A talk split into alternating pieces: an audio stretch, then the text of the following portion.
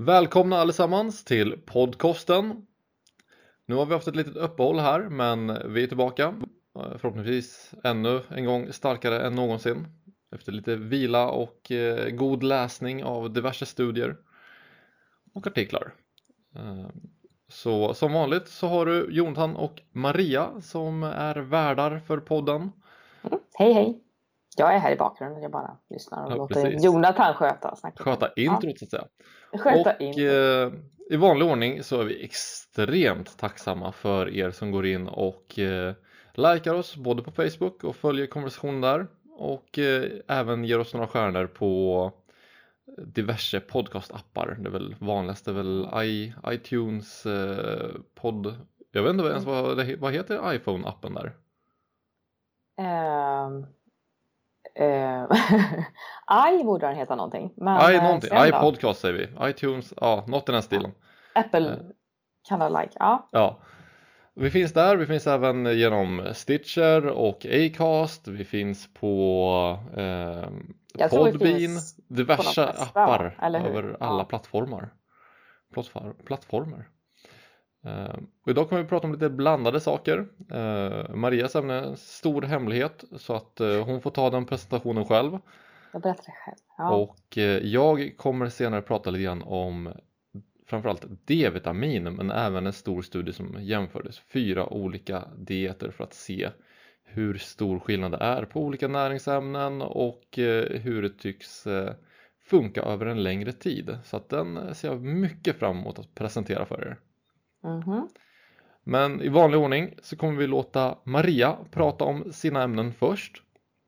Så Mm. det är bara att ta över. Ja, ja, men jag kör. Idag är det inte ämnen utan det är ett ämne. Ehm, jag tänkte ta upp ett ämne som eh, känns väldigt aktuellt för vår tid. Vi har förvisso i tidigare avsnitt utav den här podden tagit upp det här ämnet, alltså både indirekt och vi gick igenom vad kolhydrater är för någonting. Men även lite mer konkret i flera efterföljande avsnitt. Jag vet till och med att vi spelade in ett avsnitt där vi mer eller mindre bara pratade om det här ämnet. Men alltså, lik förbaskat så tänkte jag att vi skulle ge oss på den där heta potatisen igen. Den som inte riktigt tycks svalna. Jag tror att du håller med mig sen. Det finns ett ordspråk som säger att ett mynt alltid har två sidor. Vilket då syftar till att det finns flera sätt att se på saker och ting. Beror på hur man liksom vänder och vrider på det. Men när det kommer till det här ämnet så räcker nog inte sidorna på ett mynt riktigt till för att liksom beskriva alla de här infallsvinklarna ur vilka vi väljer att granska, debattera och diskutera det här. Jag tänker att vi behöver nog snarare en tärning. 20 sidor Mm. sådan. Ja, vi får se. Jag ska försöka hålla mig till sex. Även en eh, tärning har ju ytterligheter, det vill säga en etta och en sexa. Men sen så har vi en rad nuffror däremellan. Så skillnaden idag, från hur vi tidigare har belyst det här tänkte jag skulle vara att eh, ta upp fler utav de här olika infallsvinklarna och liksom blotta dem lite och diskutera igenom dem lite lätt sådär. Ämnet för dagen, med påsken i antågande och allt, är socker. Mhm. Mm.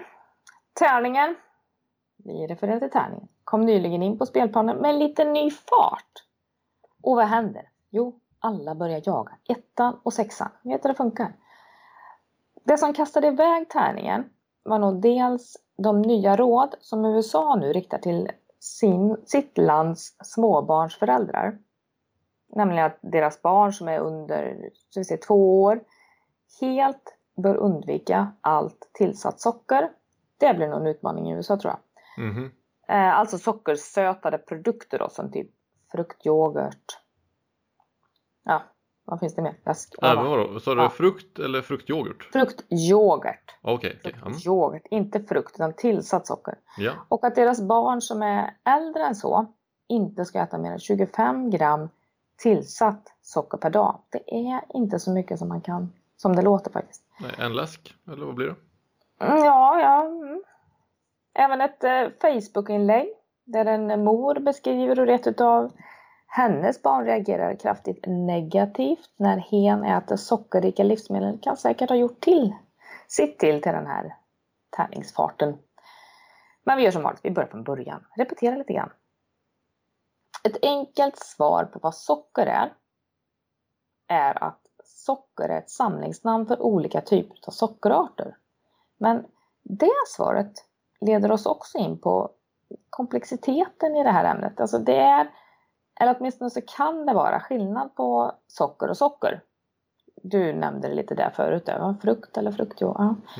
Mm. ja, och även om kanske inte ettan och sexan anser det, de här ytterligheterna. För inte nog med att socker finns naturligt i flera utav våra älskade råvaror och sedan tillsatt i mängder utav olika livsmedel så finns det även olika sorters socker med lite skiftande egenskaper, eller som hävdar att de har det i alla fall. Då. Rårörssocker, eh, eh, kokossocker, farinsocker, ja ni vet. Men nu ska jag försöka att inte göra det här svårare än vad det redan är, utan vi fokuserar dagens avsnitt till det socker som de flesta utav oss framförallt tänker på och menar när vi säger socker. Det vill säga det socker som finns tillsatt för att antingen förändra ett livsmedels smak eller påverka dess hållbarhet. Det är socker som i innehållsförteckningar benämns socker, fruktos, vad hittar de på mer? Eh, glukos, maltos, eh, dextros, det kan stå ändelsen sirap, eh, sånt socker. Ni med? Det är ju så här, socker smakar sött. Och vi är sedan liksom urminnes tider programmerade för att både söka upp och njuta utav den här söta smaken som tycks kicka igång känslor av välbehag i våra belöningscentra. Poängen med hela det här beteendet, det här behovet vi har, vi söker, vi finner och vinner den här känslan, är att eh, våra kroppar har ett behov utav att äta naturligt söta råvaror. Eftersom de även innehåller en massa andra nyttigheter, vitamin, mineraler, spår, alltså sånt som våra kroppar behöver för att fungera och må bra i längden. Lite samma funktion som eh, färgrik mat har. Har maten på tallriken eller, ja, nu är vi ändå inne på det, godiset i godisskålen. Ehm, flera olika starka färger, fräscha färger, så tenderar vi att äta mer. Och jag, alltså, inte kunde väl Moder Jord ha anat vår senare uppfinningsrikedom där här kring eh, förädling av råvaror. Att vi skulle liksom komma på tanken att liksom bara plocka de här russinen ur kakan. Men det gör vi ju. Även om det här tillsatta sockret som vi nu pratar om benämns på lite olika sätt i innehållsförteckningen så skulle jag nog faktiskt inte personligen gå så långt som att hävda att det är dolt för oss. Idag är många väldigt upplysta och förstår mycket väl vilka typer utav livsmedel som innehåller mer eller mindre mängd socker. Och jag menar, vill man vara helt på den säkra sidan så köper man ju ingenting som säljs i en förpackning eller kommer med en innehållsförteckning på den delen. Men riktigt så extrema, då med referens till Svensson, kanske inte alla behöver bli. Problemen då? Alltså vad är, vad är problemen med att vi äter tillsatt socker? Så här långt låter det väl ganska bra eller? Jag menar socker bidrar ju både till att förhöja smaken på det vi äter eller dölja bismaken på lite sämre kvalitet och sådär. Utöka hållbarheten eh, och dessutom så kickar sockerätandet igång en, den här känslan av välmående och välbehag.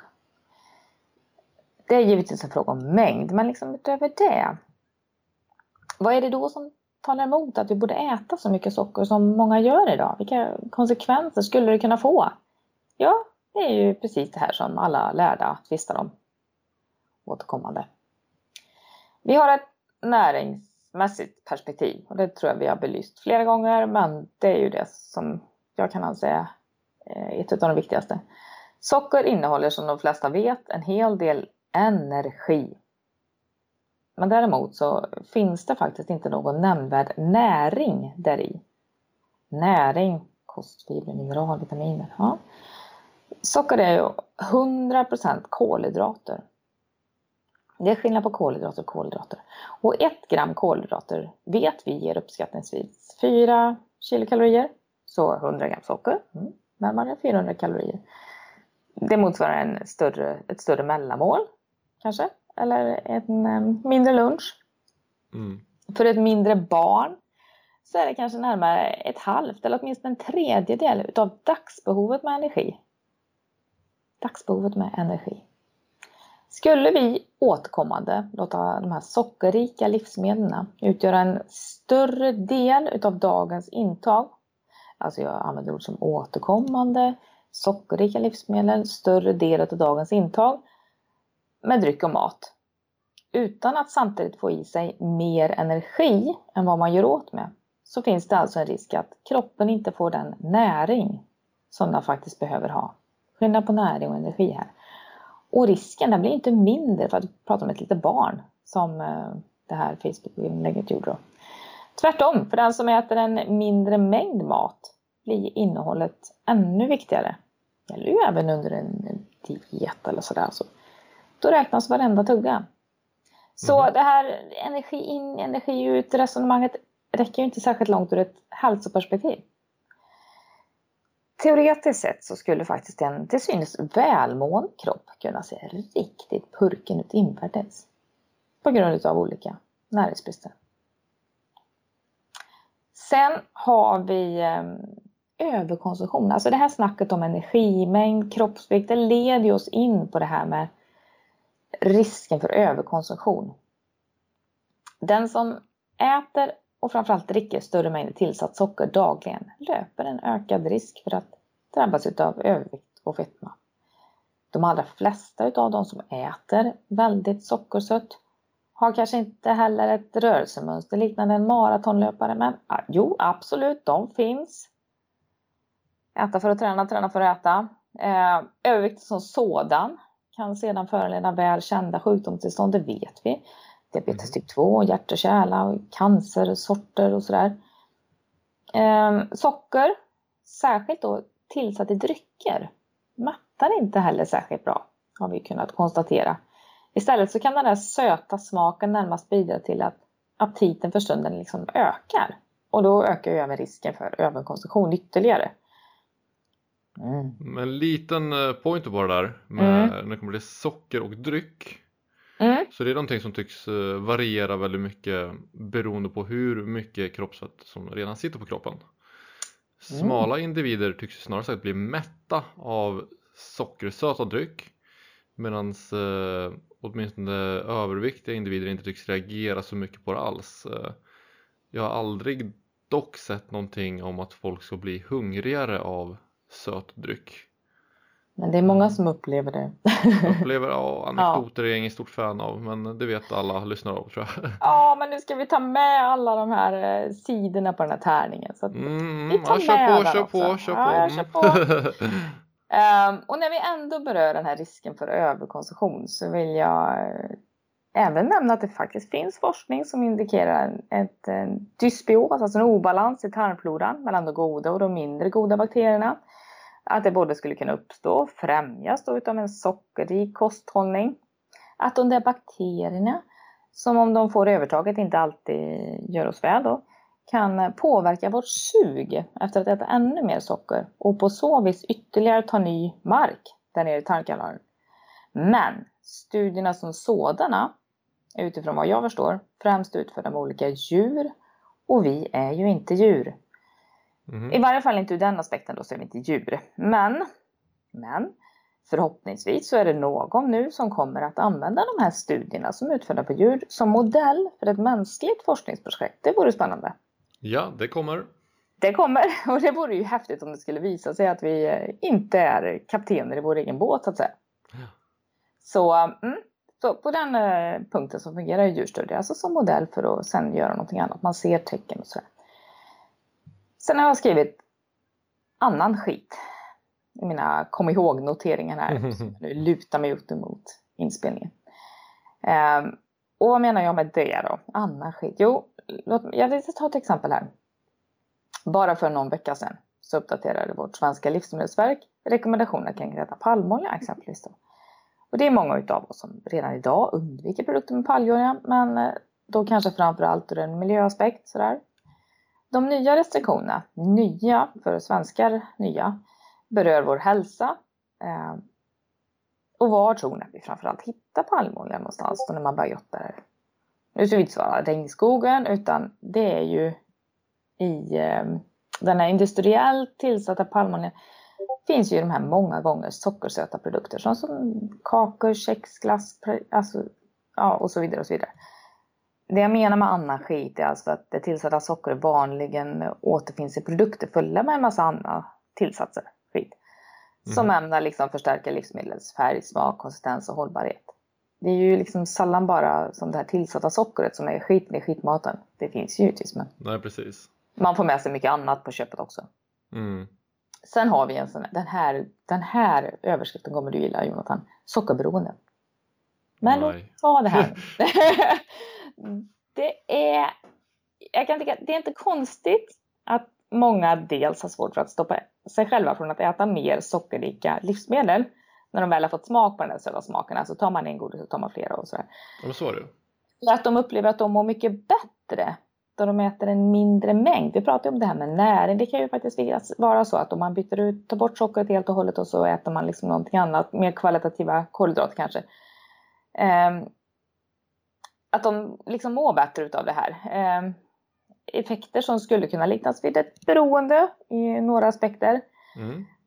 Men det är nog ganska få som faktiskt upplever sig ha ett sug efter sockret som sådant. Jag tror Precis. inte att jag fått på någon hittills som har haft väldigt svårt för att motstå sockret i sockerpaketet hemma i skåpet. Alltså det här vita så. Istället det vita är det, Ja, precis. vita giftet säger en del. Istället är det de här sockersöta livsmedlen som individen har sug efter. Så kombinationer.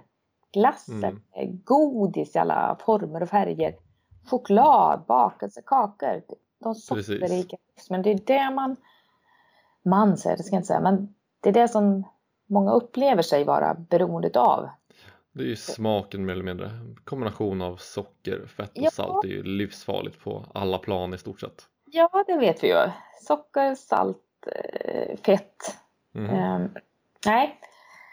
Och när vi ändå berör vår smakupplevelse så är det också så att våra smaklökar de påverkas av vad vi äter. Vi vänjer oss vi vänjer dem vid hur vi tycker att någonting bör smaka. Vad som exempelvis är sött, bäst eller salt. Hur smakade mm. din första kaffe Jonathan?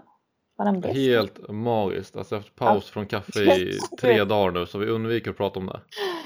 Uh, aha, vad var det du sippade på innan vi började inspelningen? Var det vatten eller? Det var vatten. Ja, det var så. Mm.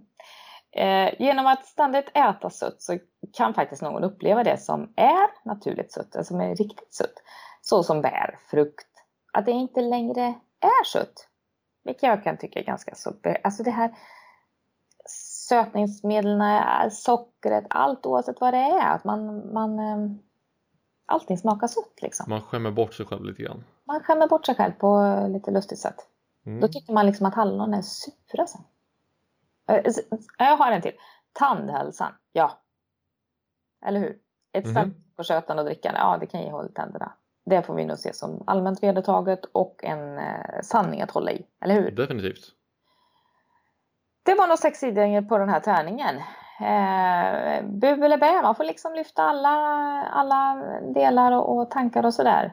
Och även om jag kanske har, och du också Jonathan, har, har våra åsikter och, och, och erfarenhet av det här så det kommer att komma tillbaka och vi får väl se vad den här det är faktiskt så att till och med, eh, till och med säger jag, men eh, Europa eller om det nu är någon organisation där har startat någon utredning nu som ska reda på, ta reda på hur mycket socker vi faktiskt kan eh, äta utan att rubba vår hälsa. För de här mm. råden som finns nu, de ska anses vara gamla. Ja. Men det helt klart, här, helt vi... klart ett intressant ämne. Ja, det är ett intressant ämne. Och det som, eh, det som jag personligen tror är den största faran med det är just eh, att det smakar bra så att man har en tendens att äta för mycket. Det mm. kan rubba ens hedonistiska balans om man säger så, så man faktiskt mm. slår över i kalorierna. Och just det som du säger att det är tomt på annan näring. Så utgör en för stor del så kommer man helt klart hamna sämre till än om man hade bytt ut det mot annan mat. Mm. Ehm, och tyvärr så är det ju många som inte alls kan kontrollera hur, hur, hur de väljer sin mat när det kommer till vad, vad de tycker liksom smakar bra och inte. Nej. Och därför väljer skräpmat före sånt som är vettigt. Och läsk tycker jag som sagt det är bara rent skräp. Det är för mig helt otroligt. Så här, visst ger det till diabetiker om de har panik men andra människor Mm. behöver inte sockersötad läsk. Det, det, det är bara rent, rent skräp helt enkelt. Ja, det, det får man väl säga. Så det var väl det om socker. Jag hoppas att det blir lite, lite tankar om det i Facebookgruppen. Uh, Mm. Vore roligt att höra lite olika. Det vore jättekul. Ja, verkligen. Och att ni också att en- väljer att göra inlägg i Facebookgruppen så man liksom får med alla medlemmar. Eh, ni får gärna skicka meddelanden till mig och Jonathan också via den här Facebook. eh, men, men då blir det liksom ett skilt rum så. Ja, det var kul, vi fick lite mer nu i veckan på Facebookgruppen och vi Mm. har fått på ett tag så att, eh, superkul Ja. att se mer aktivitet så tack till alla er som faktiskt eh, lägger in inlägg och hör av er det är jättekul att ha en konversation och liksom eh, interagera, vad jag på att säga, det blir fel på svenska tror jag Mm. ja, interaktion helt enkelt, där har vi det så ska det vara. mm. Så fortsätt med det. Eh, ska vi snacka lite D-vitamin här nu eller? Eller Ja, tänkte absolut. du börja med den här energistudien? Nej, det jag tänkte avsluta med den för Ja. den, den är stor och lång och kommer ta upp större delen av tiden här Då kör vi Eh, D-vitamin. Vi kör D-vitamin först.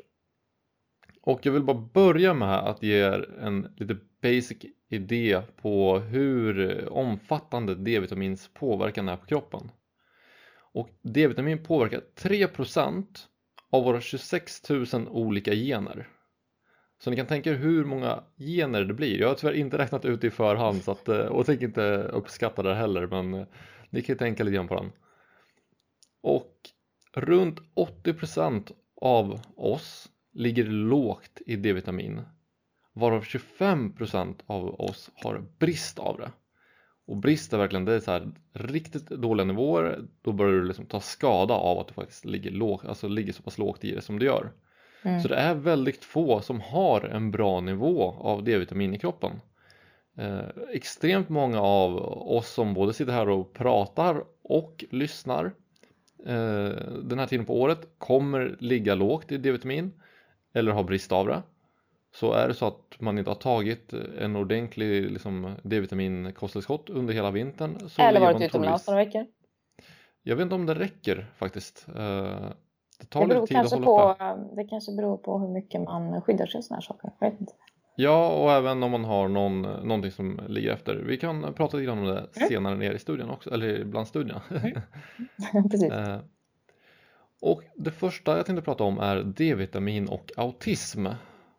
Eh, just autism är ju ett ämne som är eh, ganska känslomässigt hos folk. Eh, jag tror att de flesta har liksom någon bekant eller släkting som liksom lider av det så att säga.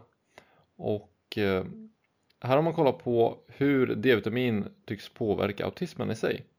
Och hos 75% av alla som har autism och tar höga doser av D-vitamin så ser man en dämpning av symptomen. Vilket är eh, rätt otroligt. Mm. Man har också sett att gravida kvinnor som tar D-vitamin tycks dämpa risken för att barnet ska födas med autism med mellan 5 till 20% hos kvinnor som tidigare har fött ett barn med autism. Det är en väldigt, väldigt markant minskning. Eh, och eh, då när vi pratar om höga doser så menar jag 5000 i per dag, alltså enheter. Mm. Så det, det tycker jag är väldigt fascinerande resultat. Eh, Och eh, man kan också säga att barn med autism också kan dra nytta av D-vitamintillskott eh, men då på mycket, mycket lägre doser. Vill man ha en dos liksom till sitt barn där så får man kolla med sin doktor. Jag tänker inte Nej, kasta ut någon dos i luften här för att det vore inte riktigt ansvarsfullt. Testa inte Nej. detta hemma ungefär. Nej precis, att alltid, alltid med något sånt så kolla upp det med doktor eller läkare. Någon expert inom området helt enkelt. Mm. Och eh, man kan ju undra lite grann hur det kommer sig att det, det har den här påverkan. Man vet ju som sagt att D-vitaminen påverkar väldigt många gener så att det kan ju vara lite vad som helst. Men vad som kom ut alldeles nu i dagarna, jag tror till och med det var igår studien kom ut, eh, ja, från inspelningsdatum då, ja, är att D-vitamin tycks påverka våra tarmbakterier. Se där! Och eh, det här var en väldigt tidig studie så att det var väldigt eh, svårt för dem att säga så mycket konkret om hur det påverkade. Däremot när de jämförde befolkningen med låg, hög och väldigt hög eh, nivå av D-vitamin så var det tydligt att eh, det följde vissa mönster, att vissa tarmbakterier liksom låg på lägre nivåer och andra på högre nivåer. Och som jag förstått det så är det också ganska vanligt att folk med autism har vissa tarm och magbesvär.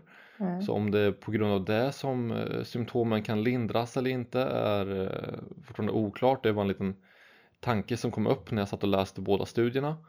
Eh, och, men rätt fascinerande i sig och vi har ju gått igenom tarmbakterier flera, flera gånger och varje gång tycks man se någonting nytt och någonting spännande om hur det kan påverka kroppen. Så att det, om D-vitamin kan påverka dem så kan det helt enkelt ha väldigt spännande konsekvenser för immunförsvar, välmående, viktreglering, eh, social förmåga kan, ta, eh, kan påverkas genom tarmflora så att det kan, mm. det kan nog göra väldigt mycket det där. Mm. Och sen var det en annan jag kollade på som diskuterade D-vitamin och diabetes. Där gav man eh, folk låga doser av extra D-vitamin och det tycktes öka insulinkänsligheten eh, på ett sätt som även påverkade mättnads och hungerhormon positivt. Eh, vilket i sin tur då förenklade behandlingen av diabetes. Då diabetes till stor mm. del är ett problem av fria fettsyror i blodet. Så kan man få ner det suveränt. Och det kan man ju då göra genom att äta mindre i stort sett. Ehm, och det, här, det är inte heller någon behandling utan som sagt prata alltid med experter innan man försöker se på någon sorts eh, ny metod och behandling för saker och ting. Ehm, men det var lite resultat som jag tyckte var ganska intressanta nu som också är väldigt nya och färska för just D-vitamin. För tidigare har vi sett att det kan påverka liksom benskörhet, det kan eh, påverka hur explosiv du är i musklerna och muskelkvalitet. Det kan påverka hur deprimerad man är och liksom självmordsrisk. Mm. Så det påverkar ju verkligen en hel drös med olika saker. Eh, det påverkar könshormon. Så att, eh, men just det här är liksom ännu fler saker då som adderas till hela den här eh, D-vitamin nästan magin som det tycks utföra på våra kroppar. Det tycks låter ju så faktiskt. Och det är nästan på den nivån. Mm. Och nu börjar solen skina så vi kan dra nytta av eh, D-vitamin från eh, solljus också. Så att eh, försök att få er lite sol. Ja, Men, det är väl någon gång i mitten på april eller någonting sånt som man säger att man faktiskt kan. Är det så pass sent till och med? Jag hade för mig ja. att det var mitten av mars. Och sen eh, vad jag förstår så är det huden framförallt på bröstet som är mer eh, ja, ombildningsbar. Eller den som ska utsättas. Okej. Okay. Mm. Så det räcker liksom inte att sola fingrarna och näsan utan Får dra ner lite. Ja, min näsa den blir röd direkt så fort solen okay. visar sig så att uh, det är otur det, annars hade jag haft fullt lager med D-vitamin strax. Hon hade räckt med näsan ja. ja. Mm. Precis. Och det kan också vara värt att försöka bygga upp en supply. Är det så att man har legat lågt en lång tid i D-vitamin så kan det vara värt att uh, boosta sitt intag lite grann under ungefär två veckors tid. Uh, genom att ta större doser än vad man kanske normalt gör. Eh, senast jag såg om hur mycket man borde ta för att bibehålla en bra nivå var ungefär 1000 enheter. Eh, men jag vet att tidigare så har man även rekommenderat upp mot 3 till 5000 enheter. Eh, även om det ses som väldigt, väldigt höga doser så ses mm. det fortfarande som säkra doser. Upp mot 10 000 enheter börjar bli, ja då börjar man verkligen dra sig mot det kanske lite mer tveksamma doseringarna. Ja, då är ju ändå D-vitamin ett, eh, ett eh, hormon är det ju faktiskt egentligen som, som, mm. Eh, som lagras i fettvävnaden. Precis. Det brukar man generellt sett vara lite försiktig med när det gäller dosering och sådär. Mm. Jag kan säga att jag har sett de olika studier vart man tar uppemot en halv miljon enheter mm. i en dos utan att de har haft några större negativa effekter. Mm. Däremot är det inte det någonting man gör långsiktigt utan då är det folk som har tagit en dos och sen legat på den och pyrt på den i ett halvår nästan. Och säkert under Men- ganska kontrollerade former också. gissar. Absolut, Apropå absolut. det här med läkare och restriktioner. Och Ja, jag gissas. Om Ja. man försöker ta i sig en halv miljon själv då, gör jag vet inte då, då får man en speciell sorts metall tror jag. Men eh, ja, det är väl det om D-vitamin egentligen. Mm. Så nu tänkte jag gå in på en studie som kallas The Pounds Study som gjordes i USA och man kan nästan räkna ut vad den handlar om. Eh, Det handlar i alla fall om 811 deltagare som man följde under 24 månader, vilket är ganska länge. Mm. Eh, Deltagarna fick följa en av fyra dieter. Då hade man först en sex månaders viktminskningsfas och sen så följde man upp dem senare efter 18 månader. Mhm. Och dieterna var indelade så. Att det fanns två stycken de, eh, grupper som innehöll mycket protein. Och när man räknar mycket så menar man 25% av kaloriintaget. Och två av dieterna innehöll en mer vanlig mängd runt 15% av de två högproteindieterna så innehöll ena mycket fett på 40% och den andra mycket kolhydrater på 65% och detsamma gällde mer eller mindre normalproteindieterna. Då innehöll de eh, vad blir det? Det blir 55% och 35, nej 55 och 45% eh, kolhydrater var de här eh, mellanproteindieterna. Och eh, ja, inte helt otippat om man har läst resten av litteraturen så gick de deltagarna som följde högproteindieterna gick ner mest i vikt under både 6 och 24 månaders tid. Eh, Det som var ganska intressant var också att jämföra de andra olika. Det som jag har lite problem med den här eh, studien i sig var att eh, man använde sig av självrapportering Mm. så att vad man gjorde var att man ringde upp deltagarna, 50% av deltagarna i varje grupp efter 6 månader och så bad man dem berätta vad de hade ätit de senaste 24 timmarna. Var det här inom Okej. 5% från deras satta mål så räknar man det som att det var godkänt och mycket bra följt. Men jag tror att många av oss som har räknat kalorier eller jobbat med folk som räknar kalorier vet Mm. hur lätt det är att glömma bort vad man har ätit dagen innan eller liksom om man glömt bort en snack, man kanske glömde bort ett glas juice Mm. eller om man helt enkelt ljuger om vad man har ätit för att inte känna sig dålig och som man har svikit personen man rapporterar till. Precis. Framförallt när man blir uppringd en gång efter sex månader. Mhm. Eh, Okej om man hör av sig dagligen så tror jag det är ganska stor chans att man kanske inte ljuger eller glömmer bort allt för mycket.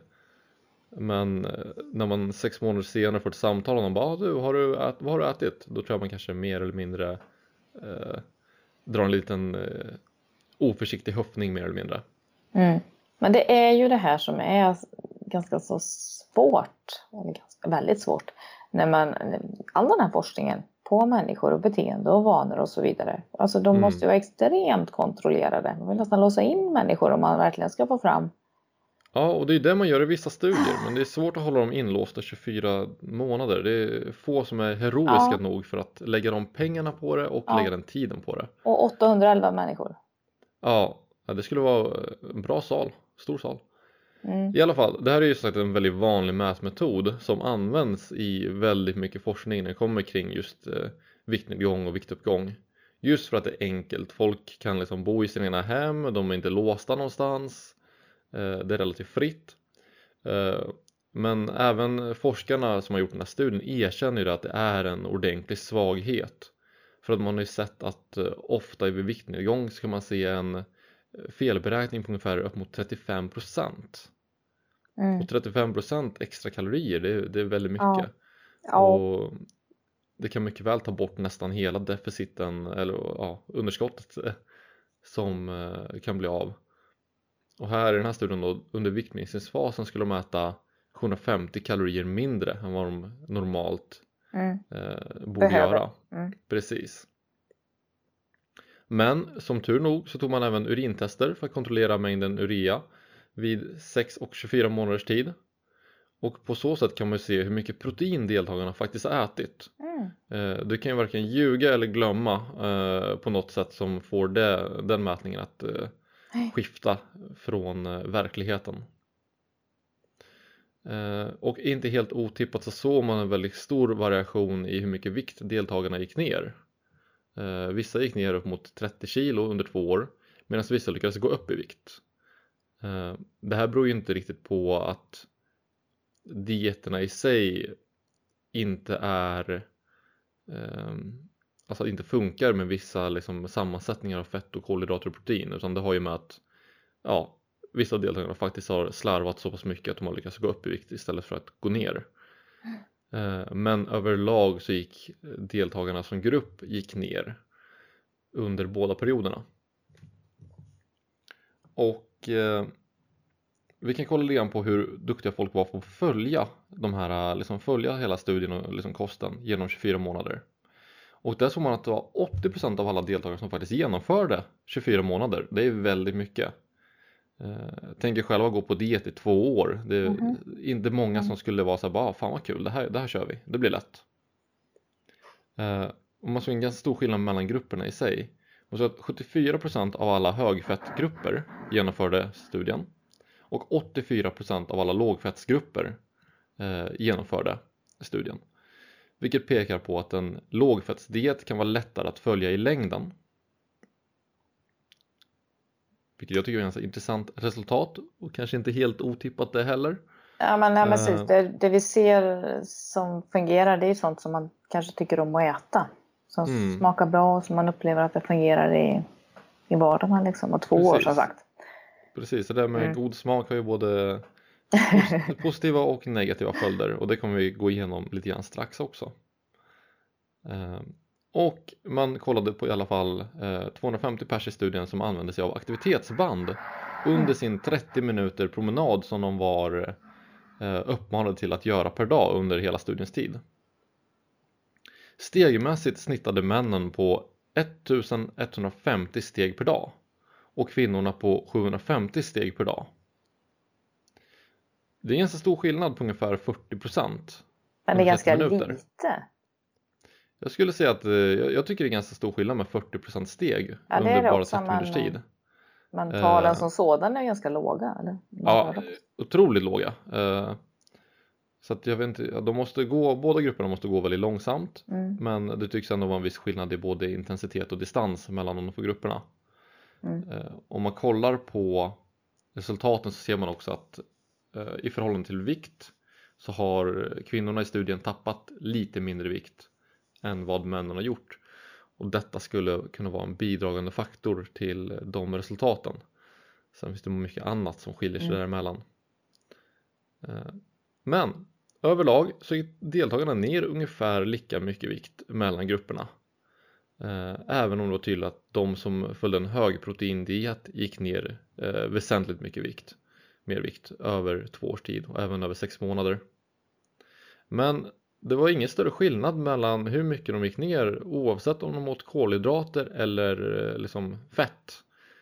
Ehm, så det var en väldigt liten skillnad där egentligen. Det var en lite bättre genomföljning i kolhydratgruppen kolhydratsgruppen jämt mot fettgruppen. Men det blev väldigt intressant när vi kollade på hur det ser ut för männen och kvinnorna under vikt, alltså efter viktnedgångsfasen.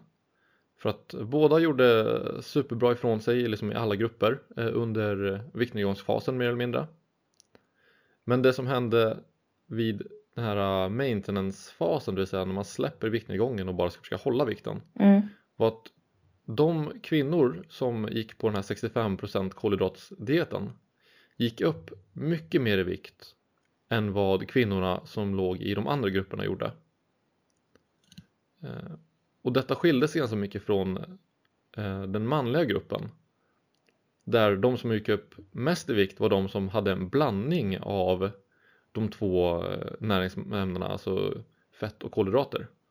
Så där var högkolhydrat och högfettgruppen som gick ner, alltså gick upp minst i vikt efter nedgången.